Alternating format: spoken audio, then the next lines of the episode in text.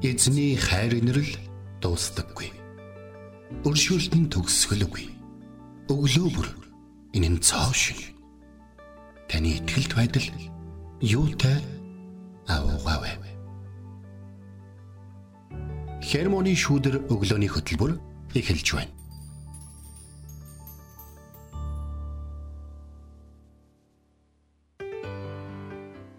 Өглөөний минь Өглөөний минь Итгэл радиогийн эфирээс хермоны шүдэр өглөөний хөтөлбөр ийх эхэлж байна. Эфирт пастор Сайна болон хөтлөгч Билгэнаар ажиллаж байна.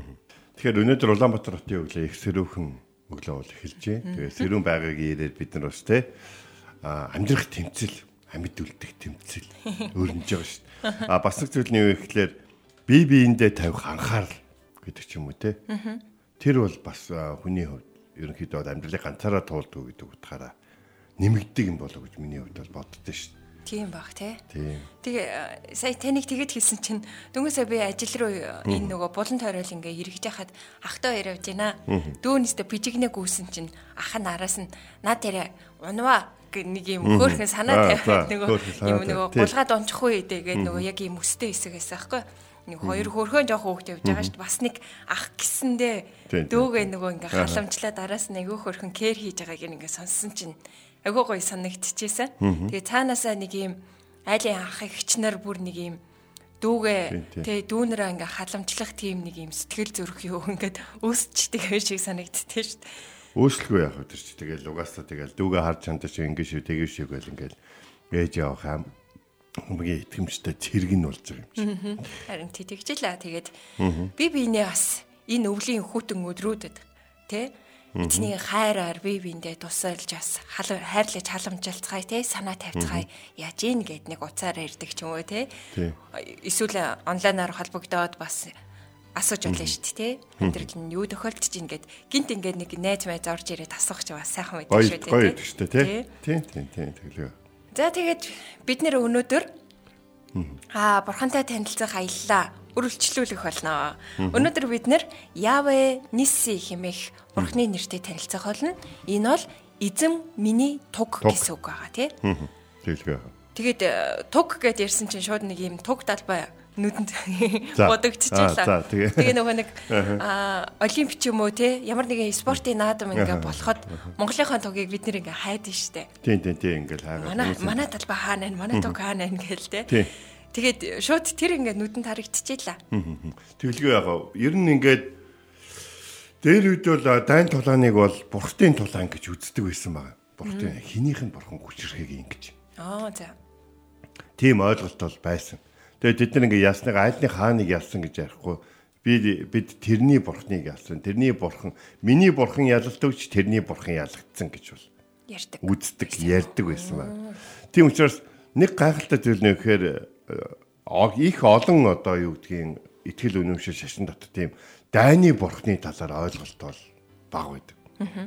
За яг зарим нэг бүр тэр чигээрээ дайны гэж гэж боддог шүтэнтэй улсууд бол байсан. А гэхдээ израилчүүдийн хувьд бол нэг зүйл байна. Яг үндэ израилчүүдийн бурхан биш. Энэ дэлхийд байгаа торын ганц бурхан шүү дээ. Тэр утгаараа ингээд үтгэх юм бол яг үндэ бол бурхан дайн тулааныг дэмждэггүй юу гэдэг асуулт бол гарч ирнэ. А гэтэл нэг ийм зүйл гарчсан. Бурханы нэг нэр байна. Бурхан бол миний туг гэсэн нэр Библиэлд гардаг. За тэгээд энэ ямар учиртай болохыг өнөөдөр бид хамтдаа бас ярилцах болно. Үгийн цагаараас сонсцгоо тийм. Үгийн цагаараас. За тэгээд үгийн цаг руугаа орохоос өмнө цор ганц оршигч эзэн бурхандаа алтар Магдалигийн цагта өргөцгөөе.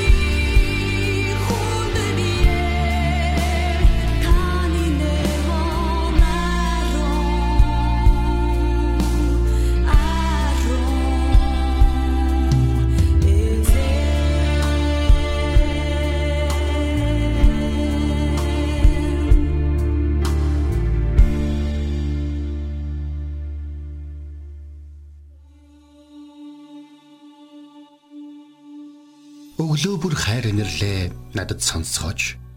Танд л би итгэдэг үлээ. Явах замыг минь надад зааж өгөөч. Танд л би сэтгэлээ өргөн байна. Дуулал 143-ийн 8 За бид нар бүгд хамтдаа гитлэл 17 дугаар бүлгийн 15 дугаар зүйлээс эзэн бол миний туг гэсэн Мөсегийн хэлсэн үгийг эзний бас нэгэн дуудах нэр гэдгийг нь бүгд хамтдаа суралцгаая гэж. За тэгэхээр Израильчууд Египтийн зарлаас гараад тэр олон 100 мянган явж явах үед мэдээж бол тэ тэдний нүүдлийн одоо өргөн одоо үргэлжлэх хугацаа тэднэрт хэрэгцээтэй ус болон одоо хүнсний нөөц гих мэт их маш их олон зүйлүүд бол мэдээж бол нүсэр байгаа шүү дээ. Аа тэр зүгээр зүүдүүдийг худалдаж авах тал дээр одоохондоо нөгөө цөлд аялаагүй байгаа болохоор асуудал бага байсан болов гэж бол бодож байна. Ягаад тэгэхээр эзэн өөрөө тэднийг бол хангасан байгаа 40 жилийн турш. Аа тэрнээс өмнө бол яажсан гэхэд Египтээс дөнгөж гараад явж байхад бол тэд нар бол эхний ээлжинд бол юунуудаа өөрсдөө тогтуулж ирсэн юм шиг. За тэгээд Амилекийн нутгаар дамжин өнгөрөх болсон. Эзэн тэдэнд амлсан газар руу явах замд Амилекчүүд бол таарсан. Харин Амилекчүүд бол өөрсдийнх нь хөрш болох Египт орныг сүрүүлээд тэндээс гарч ирж байгаа Израильчүүдийн эсрэг бол шууд толцсон. За тэгэхээр бид нэр өөрсдийнхээ амьдралд нэг зүйлийг аягуулсан ойлгож явах хэрэгтэй. Өнөөдөр бидний амьдралд байдаг бэрхшээл саад тий ингээд юу гэдгийг бид буруу зүйл хийсэн учраас тохиолддог юм биш. Зарим зүгээр тохиолдох ёстой байдаг. Зарим зүгээр л хүн болгон тохиолддог зүйл байдаг. А зарим хийж байгаа юмнаас мань шалтгаалаад үр дагаварт нь гарч ирж байгаа бэрхшээл байдаг. А яг тэрнтэй адилхан хүмүүсийн харилцаач гэсэн яг адилхан байна. Зарим хүмүүс зүгээр л танд дургу. Та тэр хүнтэй нэг ч удаа уулзаг байсан танд дургу. Учир нь та хинт харилцагдیں۔ Таны уг гарал овог хийн тэ эсвэл та хэнийг төлөөж явж байгаа гэдгээс шалтгаалаад тэртээ тэргүй танд муу байх бол боломжтой. Тийм учраас бид нар бол нэг зүйлийг маш сайн ойлгож авах. Бид нар бол Тэнгэр газар бүтээсэн эзэнд харьяалагддаг хүмүүс. Бид бол Есүс Христэд итгэдэг хүмүүс. Бид Есүс Христэд итгэдэг хүмүүс дургүй юм уу эсвэл Есүс Христэд итгэдэг хүмүүсийн одоо үжил баримтлал юм уу эсвэл бурхны байр суурьнд дургу газар угаасаа бид нар ганцаардна бид нар туулах юм тэргүй их байгаа. Бидний өсгөж хүмүүжүүлсэн хүүхдүүд хамгийн онц сурлагатай хамгийн сайн нь байсан ч гэсэн тэд зөвийг ирэлхийлж байгаа учраас энэ дэлхийд Есүс Христийн зүгний хэлсний дагуу авчигдах болно. За ингээд Амилекчүүд бол Израильчүүдийн эсрэг байлдах үед бол Мөсө бол Йошуад хэлсэн. За Йошуа ирчүүдээ сонгоод Амалекийн эсрэг байлтахаар яв.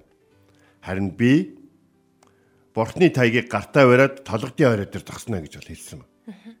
Тэгээ ямар гэчин одоо дайны одоо юу гэдгийг дэмжлэг тим байдгийн те дайны дэмжлэг гэдэг чинь алцаас ном сумаар харвах чулуугаар харвах дүүгүүр шийдэх ч юм уу те эсвэл гэдгийг сүрийг үзүүлэх гих мэтлэн тим одоо дэмжлэгүүд бол хэрэгтэй байж хахад Йошуаг ирчүүдээ аваад Амалектай байлд гэж хэлсэн.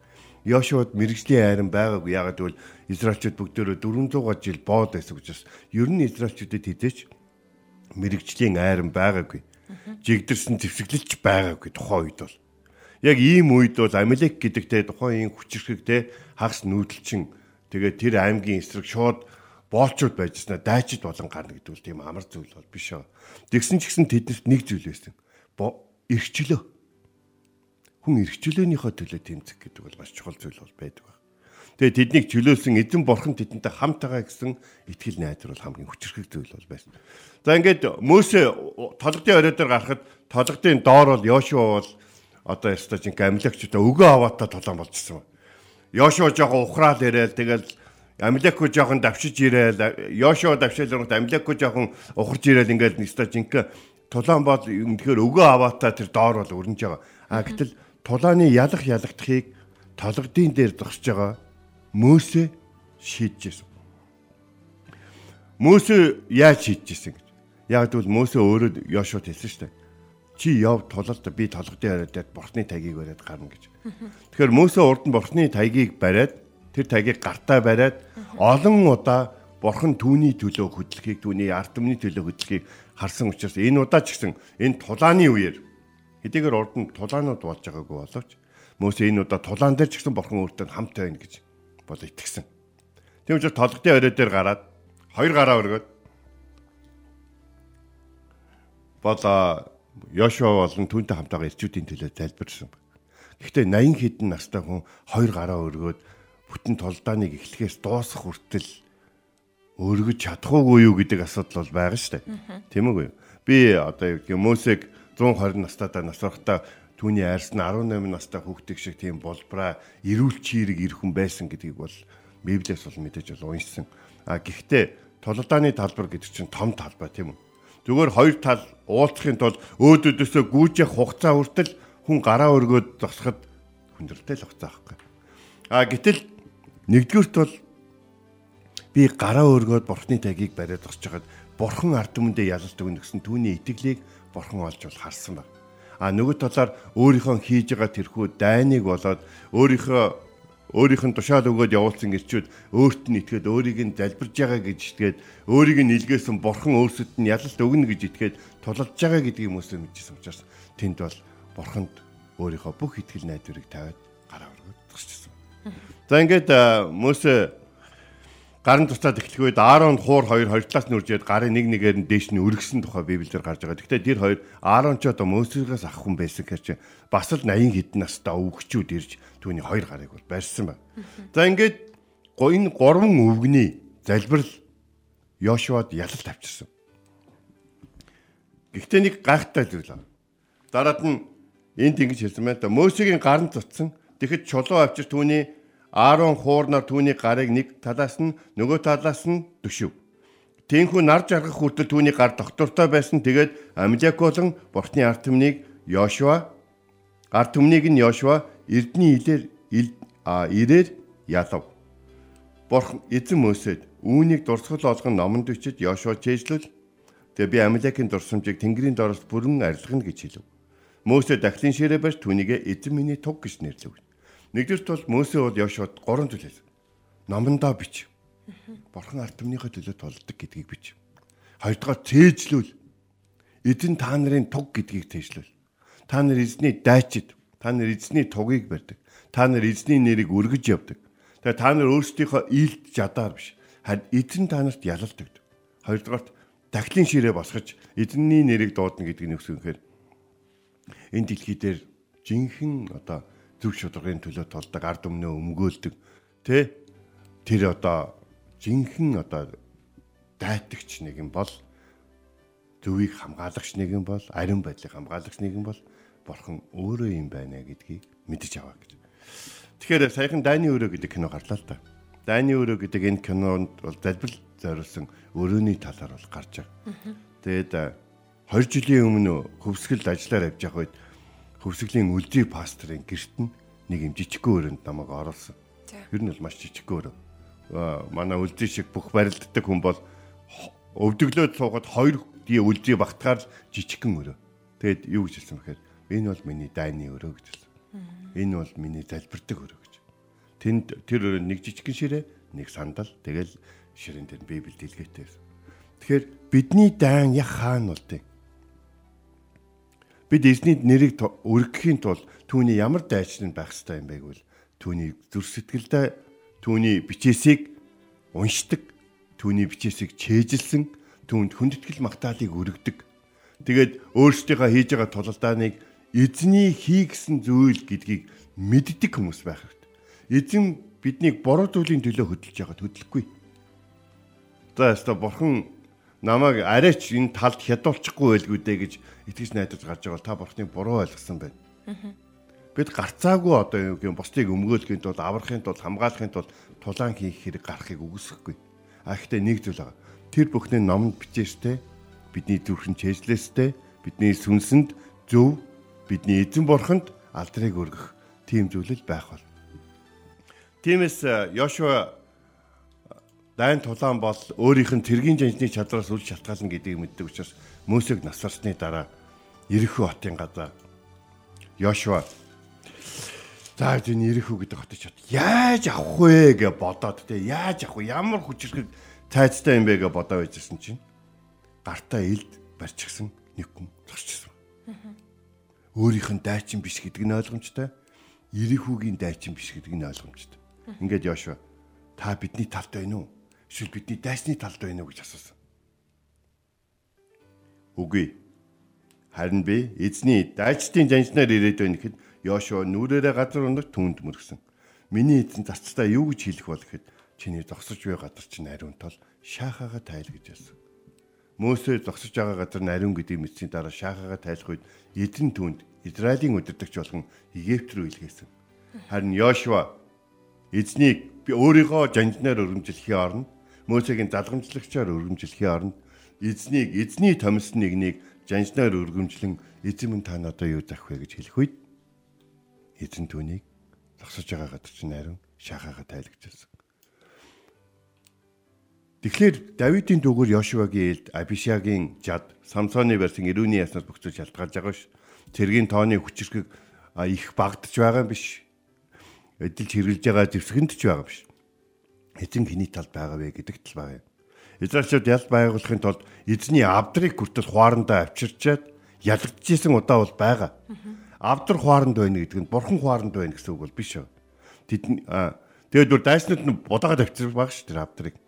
Тэгэхээр бид Йошуа болон Давидаас бурхан дайчдынхаа талд тулдаг гэдгийг суралцж болно. Нэг үгээд морийг худагт авчирч болох ч хүчээр ус уулгаж болохгүй гэж. Эзэн өөрөө л хөдөлгөөд бол энэ дэлхий дээр бурханд хамаарах хамгийн одоо ховор үнцэнтэй одоо эд үлэг түүхийн дурсгал шүтэн гэж яригддаг зүйл таны гарт байсан ч хамгийн эртний библ хамгийн агуу түүхийн эд олдор танд байсан ч таны гарт ял байхгүй. Учир нь эзэн таны зүр сэтгэл нотглон байдаг.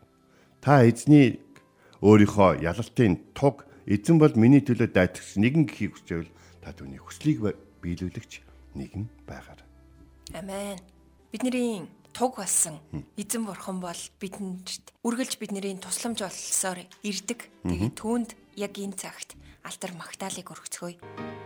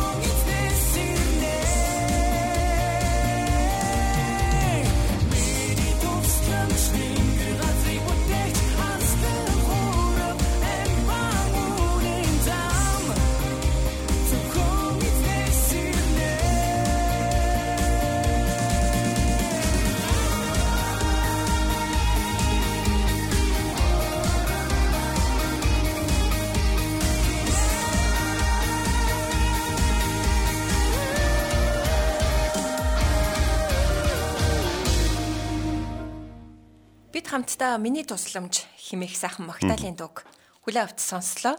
Тэгээ өнөөдөр бид нэр гитлэл номын 17 дугаар бүлгийн 15 дугаар ишлэлээс үзлээ.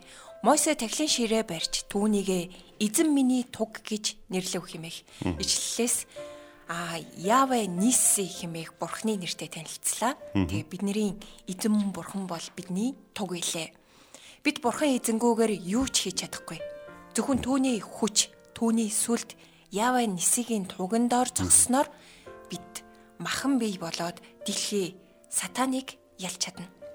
Амен. Тэгэд энэ цагт эзэн бурхныхаа өмнө нэрээд бидний Яве Ниси болсон түүний өмнө нэрж хамтдаа залбирцгаая. Бидний ялалтын туг болсон их эзэн минь танд баярлалаа. Бидний тулаан үргэлжилж байгаа харин таны тулаан аль хэдийн загалмай дээр Есүс Христ за гүйцлээ гэж хэлэх үед дууссан. Та бол ялсан эзэн. Бид ялсан эзний тугийг барьж явж байгаа хүнд тулааны хийж байгаа хүмүүс. Хэдийгээр дайсан ялагдсан боловч эцсийнхэн хүчийг шахун эн тэнд бидний амьдралын янз бүрийн хэсгүүдэд нуугдан биднийг унгаасаар бүдрүүлсээр биднийг зарим тохиолдолд бүслэлтэнд оруулсаар бидний урмыг хугалсаар л байна. Гэтэ бидний барьж байгаа зэвсэг бидний сонгосон зам хэцүүч гисэн бидний ард зогсож байгаа бидний илгээсэн нэгэн бол ялсан нэгэн баг. Тиймээс сол дараа бидэнд хүч чадлыг өгөөч. Сол дараа бидэнд таны төлөө тололдох, таны эсрэг тололдохгүй байх төөрөлдөхгүй байх, буруу зүйлийн төлөө хүчээ өгөхгүй байх, буруу зүйлийн төлөө амьдралаа өрөхгүй байх мэрэгэн ухааныг өгөөч. Мөсөө Йошуа чэйжлүүлсэн шиг бид ч таны номонд байгаа тэр бичвэрийг уншиж бас цээжилж бас танд хүндэтгэл мөрөглийг өргөж таны төлөө таны заа тулалдаж таны зааж өгсөн замаар явж энэ дэлхий дээр таны олж авахыг хүсэж байгаа, бутааж авахыг хүсэж байгаа, чөлөөлж авахыг хүсэж байгаа тэдгээр хүүхдүүдийн чинь эзэн таны өмнө авчрахын тулд бас өөрсдийгөө ч гэсэн дахин боолчлолд оруулахгүй тулд энэ тулааныг хийж байгаа гэдгийг ойлгож мэдхэд туслаач. Миний тусламж хаанаас ирэх вэ? Тэнгэр газрыг бүтээгч эзэн танаас ирдэг. Миний тусламж миний туршлагаас эсвэл надад зааж сургаж байгаа хин нэгнээс юм уу эсвэл хөрөнгө оруулалтаас биш. Харин таны мэрэгэн ухаанаас таны миний төлөө зориулсан тэр авралын төлөвлөгөөнөөс ирдэг. Аврагдсандаа талархсан бурхан та хамт байгаадад баярлсан. Тэгээд чөлөөлөгдсөн эрхчлөөтэй болсон нэгний адил энэ дэлхий дээр энэ амьдрал тохиолж байгаа бүх зүйлийн эсрэг тололцоход туслаач. Бидний дайсан бол агарыг эзэгнэгч муу нэгэн гэдгийг үргэлж санаж явахд туслаач. Харин түүний боолчлол байгаа хүүхдүүдийг таны хандлалд оруулахын төлөө хайраар бас урмаар бас залбирлаар төвсгөлөхөд туслаарай. Есүс таны нэрээр залбирэн хуйлаа. Амен. Энд хүрээд хермоны шүдэр өглөөний хөлбөр өндөрлөж байна бидэнтэй хамт байсан сонсогч танд баярлалаа. Амралтын өдрүүдээ эзний ивэл өрөөлөөр дүүрэн өнгөрүүлээрэ. Эзэн таныг харж хандах болтугай. Эзэн зүрхийг чинь бурхны хайр ба Христийн төвчөрт чиглүүлэх болтугай. Хермоны шүүдэр өглөөний хөтөлбөр танд хүрэлээ.